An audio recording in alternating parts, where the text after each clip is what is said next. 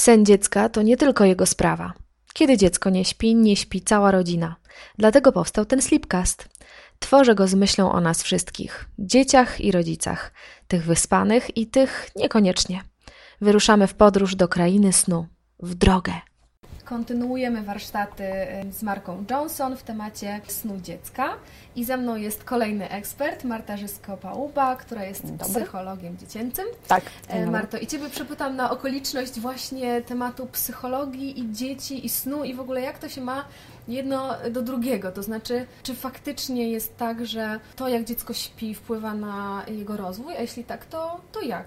Tak, rzeczywiście e, sen odgrywa bardzo istotną rolę w rozwoju malucha. E, w bardzo prosty sposób myślę, że wielu rodziców małych dzieci e, szybko to jest w stanie zauważyć. Dziecko, które śpi dobrze, to, prawdopodobnie rodzice mają takiego maluszka, który się budzi, jest spokojny, jest zadowolony, jest żywo zainteresowany światem, ciekawy, łatwo wchodzący w kontakt. Też są badania, które pokazują, że dużo, dużo od, są bardziej otwarte i, i, i takie nawiązujące relacje z innymi osobami a dzięki temu mamy poprawiające się takie funkcje jak koncentracja uwagi, jak sprawność zapamiętywania, jak e, rozwój emocjonalny, radzenie sobie, regulowanie tych emocji, jak nawiązywanie kontaktów, czyli rozwój społeczny. Fizycznie to jest tak, że jeżeli dziecko śpi, to w, w trakcie snu głębokie, głębokiego wytwarza się hormon wzrostu, więc to powiedzenie babcine, dziecko śpi, to rośnie, jest też, też prawdziwe i aktualne.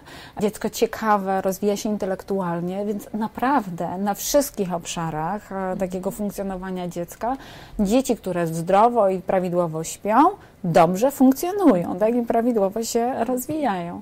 W drugą stronę, znowuż, jeżeli mamy jakieś deprywacje snu, jest go za mało, nie tyle co trzeba, albo za dużo, dziecko się buntuje no, przed tym. To, to, się raczej, to się raczej nie zdarza, że dziecko śpi więcej niż potrzebuje, raczej myślę tutaj o tym, że ono jest rozdrażnione, że musi spać, tak, i się po prostu i się buntuje.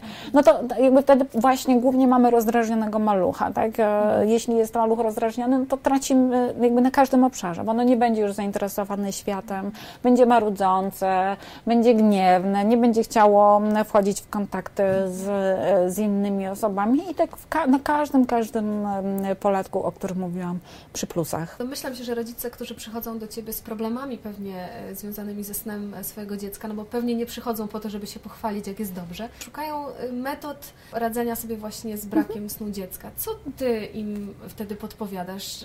Ja zawsze mówię tak, że tak jak nie ma e, jednego uniwersalnego rodzica, ani jednego uniwersalnego dziecka, mhm. które postępuje według e, ściśle określonego schematu, tak też nie ma jednej e, uniwersalnej metody, która się zawsze sprawdza. Metod jest bardzo, bardzo dużo różnych. W tym wszystkich metodach rodzice mogą się czuć zagubieni. To, o czym ja mówię, to to, żeby sobie spokojnie poczytać o tych, o tych różnych propozycjach, które się gdzieś tam pojawiają i wybrać taką, która jest najbliższa mojemu sercu, mojemu, czyli rodzica, tak, e, sercu.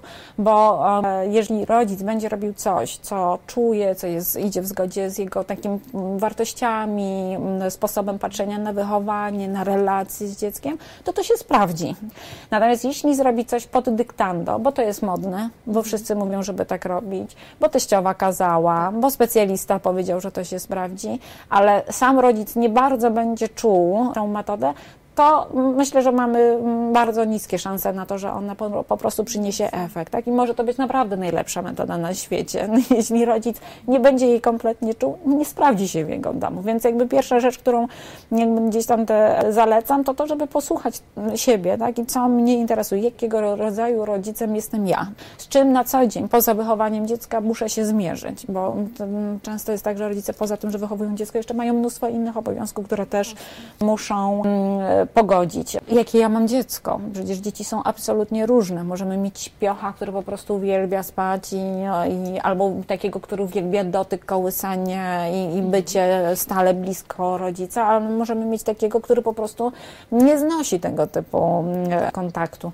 Obserwujemy, patrzymy, wyciągamy z tego informacje dla siebie i sobie patrzymy, co tam na tym rynku, tak? Gdzieś tam w internecie znajom, u znajomych i specjalistów i sobie po prostu prostu dobieramy adekwatnie do swoich i dziecka e, potrzeb.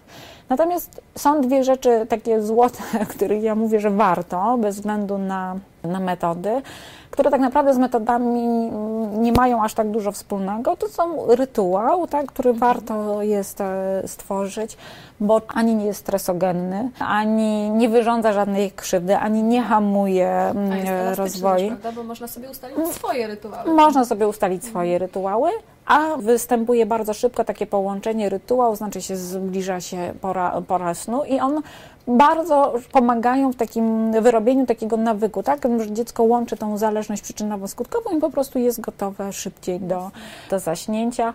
I pierwsza, wydaje mi się, że nawet ważniejsza e, zasada to rutyna. Rutyna, która jest nużąca, mało atrakcyjna dla nas, e, dla osób dorosłych i zbawienna dla, e, dla malucha. Czynności, które występują w pewnej powtarzalnej kolejności, dzień po dniu. Ale też pewnie nie za wszelką cenę, bo nie za wszelką cenę. dzisiaj o, o tak. elastyczności też Absolutnie tak, absolutnie tak. I też jest tak, że jak w tej rutynie przewidujemy aktywność, to ta aktywność będzie, powinna powinna być zróżnicowana. Zupełnie o innej aktywności mówimy za dnia, tak, a zupełnie o innej aktywności mówimy wieczorem i absolutnie się jakby dostosowujemy. No też mamy malucha, który po prostu może być ekstremalnie energiczny, tak, i, i jego tylko taka forma aktywności będzie interesowała i takiego, który po prostu zdecydowanie będzie się lepiej czuł siedząc na dywaniku i sobie coś tam e, dłubiąc. Tak, zawsze patrzymy na to, co to nasze, to nasze maleństwo potrzebuje, ale jednak pewna powtarzalność i schemat automatyczność e, e, powoduje, że e, dzieciom łatwiej jest rozróżnić naturalny rytm doby, który, w którym my dorośli funkcjonujemy, czyli dzień i noc. Tak? I jeżeli zróżnicujemy sobie te aktywności, dostosowując je do pór doby, to mamy duże szanse na to, że to dziecko po prostu szybciej też nam w ten wpadnie i zacznie sobie spokojnie przesypiać nocki. No więc tych wyspanych e, i przespanych nocek wspólnie z dziećmi e, życzymy e, słuchaczom. Dziękuję serdecznie. Trzymam kciuki.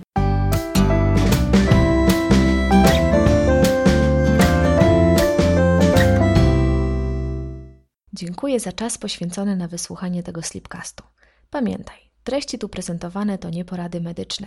Jeśli coś Cię niepokoi w śnie Twojego dziecka, zawsze najpierw porozmawiaj z położną lub lekarzem. A w międzyczasie zapraszam na mojego bloga mamasubiektywnie.pl i do śledzenia mnie na Facebooku i nie tylko. Po więcej ciekawych tematów dla rodziców sięgnij też po mojego e-booka Podróż za niejeden uśmiech. Znajdziesz go na blogu. Do usłyszenia, Marta Andreasik.